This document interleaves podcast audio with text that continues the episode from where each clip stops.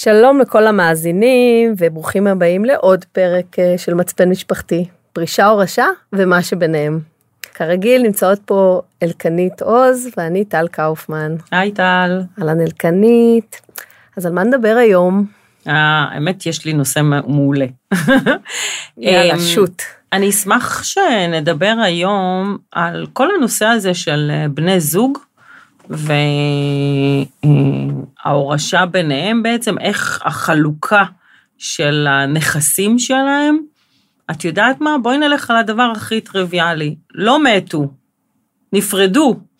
מה, איך בעצם מעגנים את כל הדבר הזה אה, מבחינה חוקית ביום שנפרדים? הבנו, שמענו פעם קודמת, יש אה, חוק ירושה, אבל זה כשמתים, ומה קורה כשחיים? אוקיי, אז אה, לא סתם אה, דיברת על שני דברים, על פרידה ועל אה, הורשה, מהמם. כי מבחינת אה, החוק שנדבר עליו היום, אה, גם אה, פטירה היא סוג של פרידה. אוקיי, אז באמת יש חפיפה בין שני הדברים.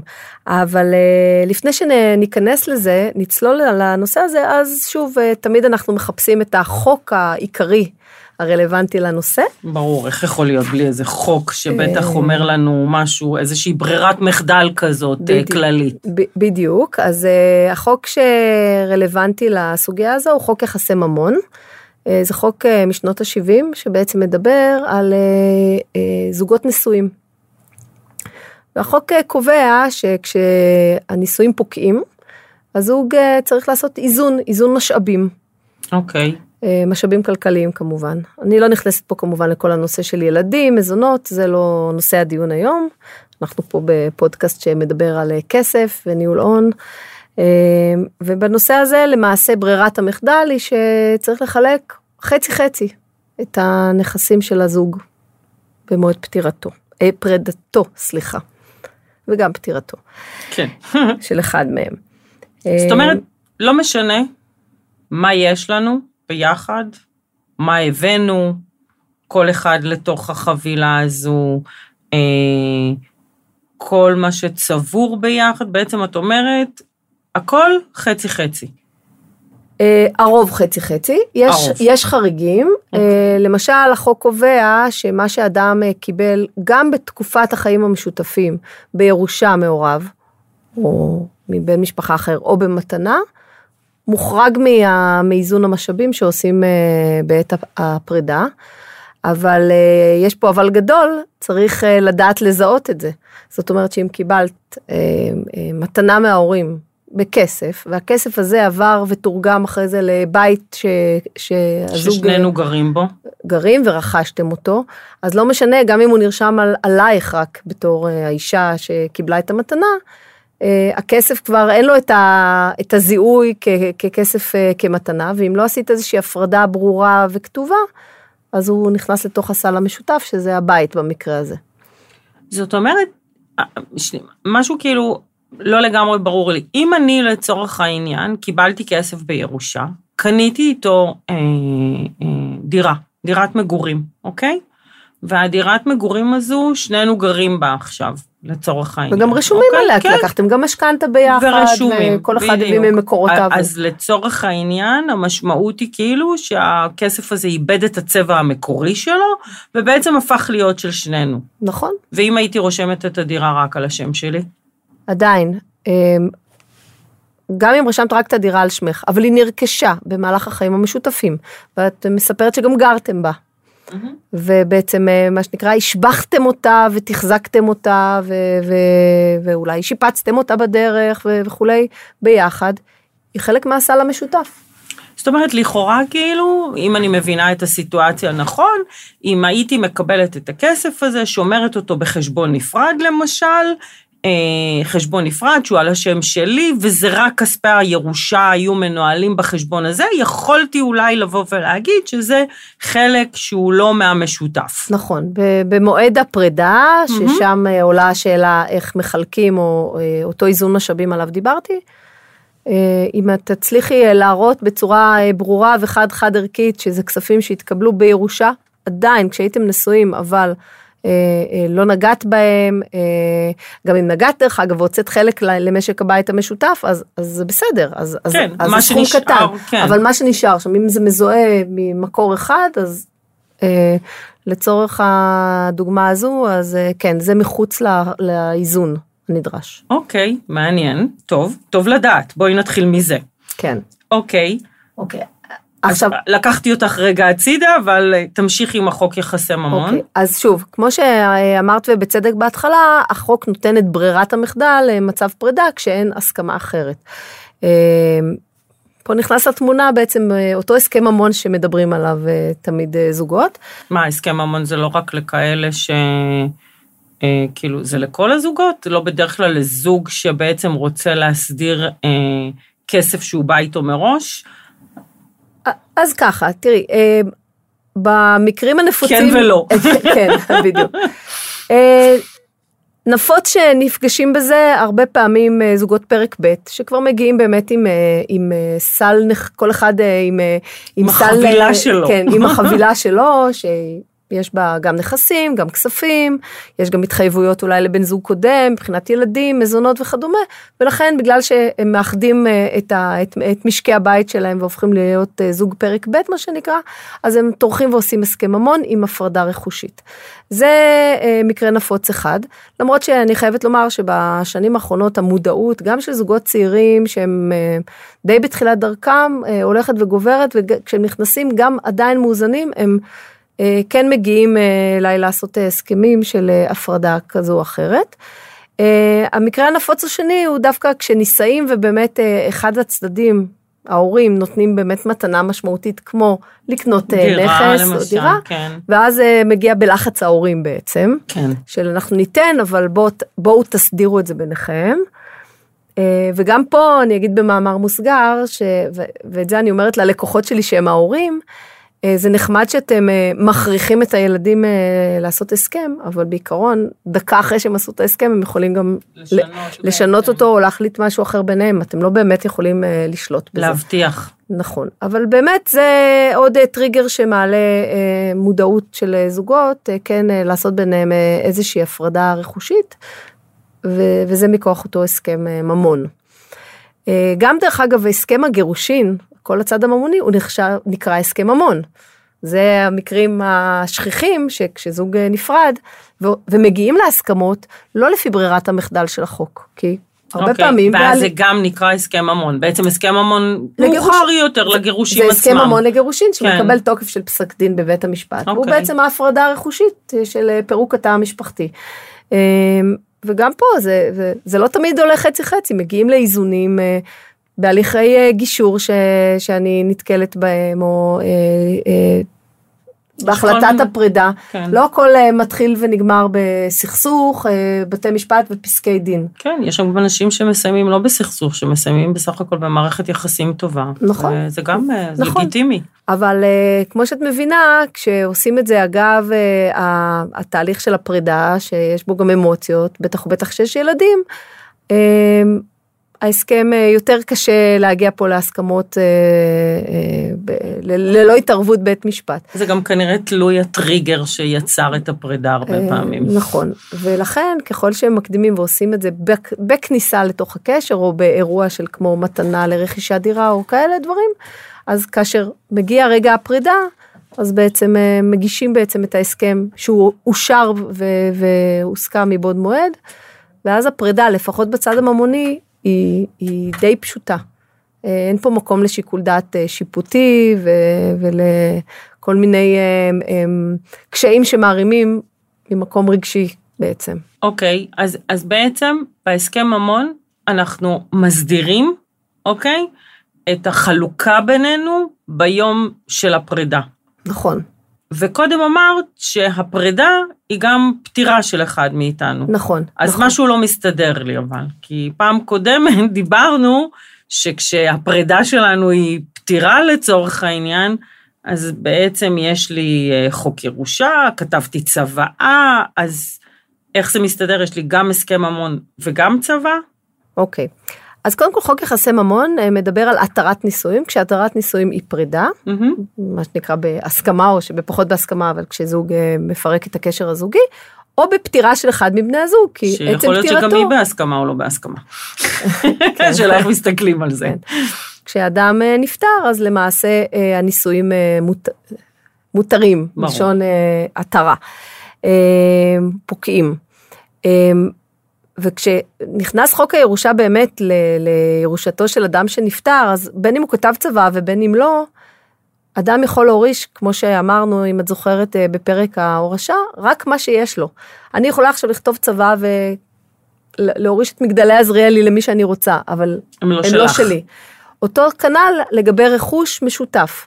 אם אני מורישה, ובואי נחזור רגע לבית מגורים, אה, כותבת בצוואה שאת כל הבית אני, אה, אה, שרשום על שמי, ניקח את הדוגמה שנתת קודם, כן, ש.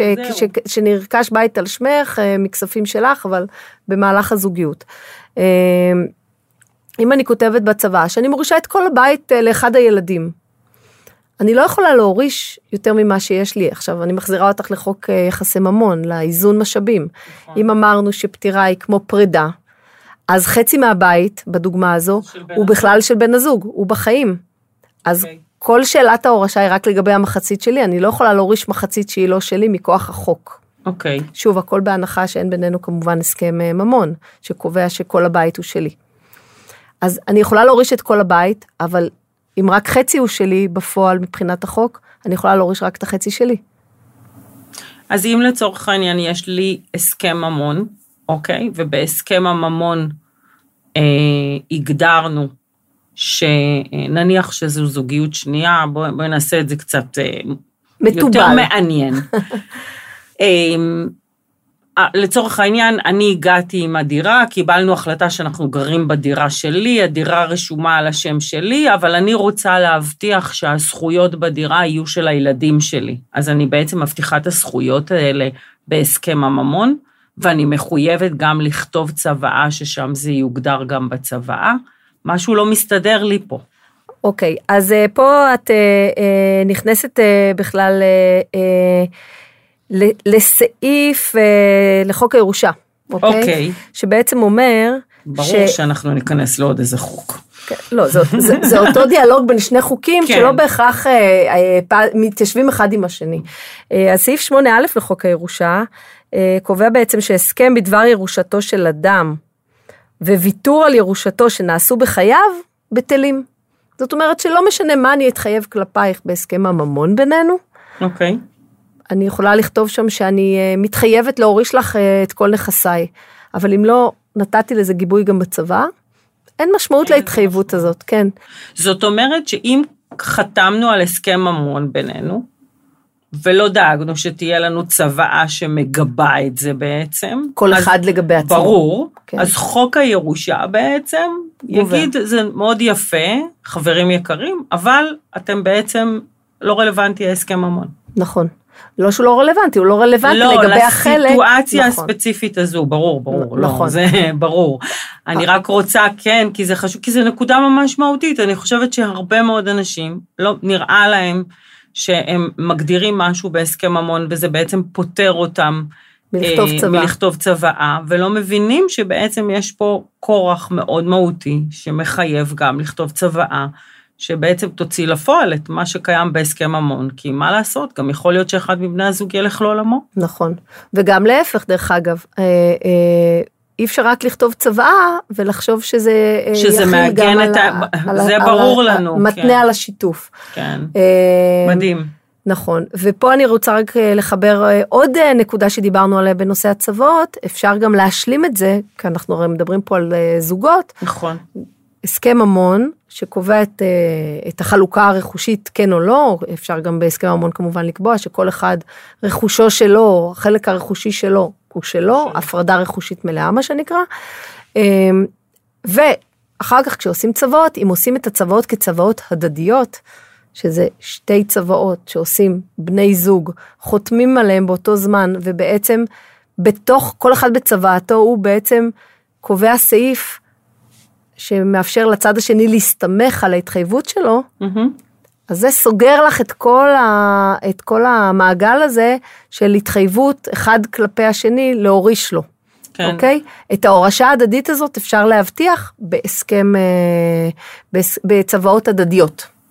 זה תמיד מחזיר אותנו בדיוק לנקודה הזו שצריך באמת להבין תמיד את המטרות, את הרצונות של משפחה ולהסתכל על זה בצורה הכי רחבה שאפשר להיות באמת בשביל לתת את כל הפתרונות הנכונים, כי אנחנו מבינים כמה בקלות פה נדמה לאנשים לפעמים שהם פתרו איזושהי אה, מורכבות שיכולה להיות בעתיד, ובעצם הם לא פתרו אותה לכל הסצנריואים האפשריים. נכון, נכון, אה, לגמרי. אבל אני רוצה לשאול אותך, דיברנו על זוגות נשואים, ובעצם אנחנו מכירים היום יותר ויותר זוגות שאנחנו קוראים להם ידועים בציבור. מה קורה במקרים האלה? זו אותה התייחסות בדיוק כמו נשואים? אוקיי, אז אה, קודם כל חשוב לדעת, וזו שאלה מצוינת, כיוון שכשאנחנו משוחחות למשל על ה... כשדיברנו על ההורשה הפנסיונית, אז אמרנו שזה חל, ה- הכללים של... אה, ידוע של- ידועה בציבור, זה נכון. כמו בני זוג. נכון. אז אה, דווקא ב- בנושא הזה, חוק יחסי ממון, אה, כמו שאמרתי, זה חוק מ- משנת 1974, וזה חוק שמדבר אך ורק על זוגות שנישאו החל מהשנה הזו. אה, מי שלא נישאו, לצורך העניין ידועים בציבור, וגם זוגות חד, חד מיניים הם אה, מחוץ לחוק הזה. אז פה הכלל הוא, הוא כלל עקרונית אותו כלל של, אה, של אה, איזון, אבל הוא נובע לא מכוח החוק, אלא מכוח הלכה פסוקה, פסקי דין של בית המשפט, והכלל נקרא חזקת השיתוף. הוא בעצם מסדיר את נושא חלוקת הרכוש בעת פרידה של ידועים בציבור. אוקיי. ודווקא במקרה כזה הטענה של שיתוף ב, ב, בנכסים אה, בשל הזוגיות, בשונה מחוק יחסי ממון שעצם הנישואים מעידים על, ה, בעצם, על, ה, כן. על השיתוף, פה הצ- הצד שטוען לשיתוף צריך להוכיח שהייתה פה כוונת שיתוף במהלך החיים. איך מוכיחים דבר כזה?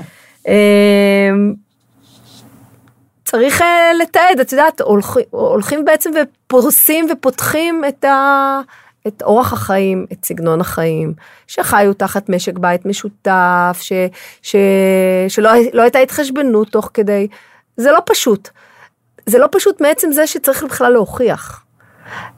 מה שנקרא, לך. ברור. תוכיח. לא, גם במיוחד, את יודעת, בדיעבד הרבה יותר קשה להוכיח דברים מאשר אה, אה, תוך כדי תנועה, אני קוראת נכון. לזה תמיד, הרי, כאילו. נכון, אני הרי... אם מס- אתם ידועים בציבור, אז אה, תרשמו ככאלה, כאילו, שיהיה איזשהם, אה, נכון. איזושהי גושפנקה לזה בעצם. לכן אני אומרת, הרי מתי פותחים את, ה, את הדיון על זה? במצב של פרידה. ברור. אוקיי? או פטירה. או פטירה, אבל, או כן. פטירה. כשזה שאז עוד יותר מורכב נכון. להוכיח. כשזה פטירה, אז בעצם מי שנכנס בנעליו של, ה, של הנפטר, הם היורשים שלו. נכון. ואז הם צריכים להוכיח דברים שהם לא חוו אותם, שהם לא חלק מהחיים שלהם. אבל בואי נלך רגע למקרה היותר קלאסי, כן. של פשוט פרידה בין אה, זוג אה, ידועים בציבור. אז פה בעצם אה, אה, אה, אחד, אחד הצדדים שטוען, תלוי מאיזה צד אתה מסתכל, שטוען שלא היה פה כוונת שיתוף, צריך להוכיח את זה. אוקיי. ולכן זה מחזיר אותנו ל, הסכם? ל, להמלצה, שנכון, כן, בין אם ניסיתם ובין אם, אם לא ניסיתם, ואולי לא ניסיתם ובמהלך הדרך גם ניסיתם אחר כך, כי לפעמים מתחילים בתור אה, זוג אה, אה, ידועים בציבור, ורק אחרי שנולדים ילדים מחליטים לעשות הליך אה, נישואים. אז בכל אחד מהמקרים או הסיטואציות, ההמלצה היא תמיד אה, לכתוב הסכם שמבהיר את הכוונה. לא להשאיר את זה לפרשנות, להוכחות, למריבות, לאמוציות. ברור, עדיף שזה לא יהיה באמוציות, שזה יהיה עוד בשלב, ה, בשלב שהכל טוב, שהכל אה, ורוד, אה, אז גם בהתאמה, אה, מן הסתם, ההסכמים יהיו כאלה. נכון, נכון. אז אנחנו אומרות בעצם, אני חושבת אם, אם אפשר ככה לקחת את זה ולהגיד שההמלצה החמה מכל הלב, רותחת. זה, כן, בדיוק, כן. ממש ככה, לבה רותחת. א', לעשות הסכם, בואו נתחיל מזה, כאילו. נכון. כי אחרת אנחנו בעצם, כמו שהבנו, וזה דרך אגב נכון לכל כך הרבה דברים שדיברנו עליהם עד היום, אנחנו בעצם נתונים לאיזשהו חוק שיש שם איזושהי ברירת מחדל, ולא בהכרח הברירת מחדל היא תואמת את הרצונות שלנו, את הצרכים שלנו, ומתאימה לנו כמשפחה. אז ברור שחייבים פה אה, לעשות איזושהי תוכנית שהיא מקיפה ונותנת מענה לכל הבעיות האלה, ואנשי מקצוע שיודעים ללוות את התוכנית הזו, במקרה הזה זה בצד של הסכם ממון, עם בעצם אה, צוואה, שזה ברור לי עכשיו אחרי השיחה הזו, שזה מתבקש. כאילו, אי אפשר לוותר עליהם, אחרת בעצם יהיו דברים שכתבתי בהסכם הממון, ולא יצאו לפועל, היה ואני מחר לא אהיה כאן. כאילו, זה המשמעות של זה מבחינתי. לגמרי, ושוב, אנחנו פה במצפן המשפחתי, ואנחנו עושות בדיוק. תכנון משפחתי, ולא משנה אה, מה הטריגר או הסיבה שבה אה, לקוחות מגיעים אלינו, ושוב, אנחנו, כיוון שאנחנו מדברות פה בעיקר על, אה, על ממון, על רכוש, על עסקים, אז אה, זה מן הסתם, אנחנו פוגשות אה, משפחות, אה, שוב, לא צריך להיות עשירות גדולות, כן? אבל משפחות שעשו דבר או שתיים בחיים, ברמה העסקית והממונית, ולכן כדאי לפתוח את כל היריעה, וזה מסביר גם למה אנחנו, אני אומרת את זה למאזינים, אנחנו בינינו יודעות את זה, שואלות המון המון שאלות, גם כשאדם מגיע רק לעשות אה, תכנון פרישה נקודתית, כי הוא עוזב את מקום העבודה והגיע לגיל הזכאות, אז מה זה כל השאלות האלה? נשוי, לא נשוי, אה, אה, כמה ילדים, אה, מצב אה, אה, כלכלי, מה עושה בן הזוג, אה, יש הסכם, אין הסכם, אנחנו שואלות הרי את כל השאלות האלה. נכון. כי בסופו של דבר התפקיד שלנו זה למפות את הכל, לראות את התמונה הכוללת של המשפחה ולהתאים את הפתרונות. נכון, ולהציג לא, לאותו אדם איזה אפשרויות עומדות בפניו בעצם. אתה מציג גם מה הוא יכול לעשות, ולוקח בחשבון סיכונים שיש בו בתוך כל הדבר הזה, ואין ספק, ו- וזו דוגמה נהדרת, השיחה שלנו היום בעצם על אה, הסכם ממון ו- והורשה לצורך העניין. החיבור ביניהם, שלכאורה להרבה אנשים לא נראה בכלל טריוויאלי. כאילו, למה צריך את זה? נכון. יש אחד, יש את השני, למה אנחנו מערבבים? ודרך אגב, לא הזכרנו פה עוד איזה חוק קטן, שנזכיר אותו רק בשורה. בנקודה. בנקודה, כן, כי זה נקודה כן, שפותחת פה מה שנקרא. תיבה. עוד תיבה אחת גדולה. כן, כן. חוק החלוקה הפנסיונית בין בני זוג. כן, כן. זה מתחבר כמובן לעניין הפנסיוני, שזה מה שנקרא עולם ומלואו בפני עצמו. עוד חוק שצעיר מאוד משנת 2014, 14? נכון,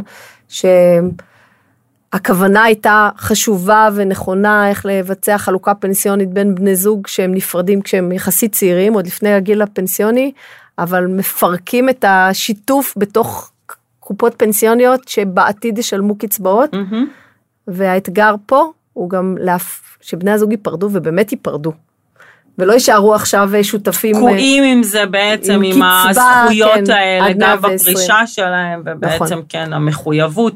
גם זה, אין ספק, זה גם שלב שהוא אה, מעניין ומאתגר אה, בחלוקה הזו, בפרדות, אבל זה באמת אה, נושא אחר, זה עולם ומלואו בפני עצמו. לגמרי. אז אני חושבת שמיצינו להיום. כן, בהחלט, אני, אה, כרגיל, היה לי אה, מעניין ומרתק, בטח מהצד שלי. נקודות למחשבה. חד יופי. משמעית. יופי, אז uh, תודה לך אלקנית, ותודה למאזינים ש... תודה לך, טל. בשמחה שהיו איתנו והאזינו, ואנחנו זמינות נתראה בפרק הבא שלנו. להתראות. ביי. ביי.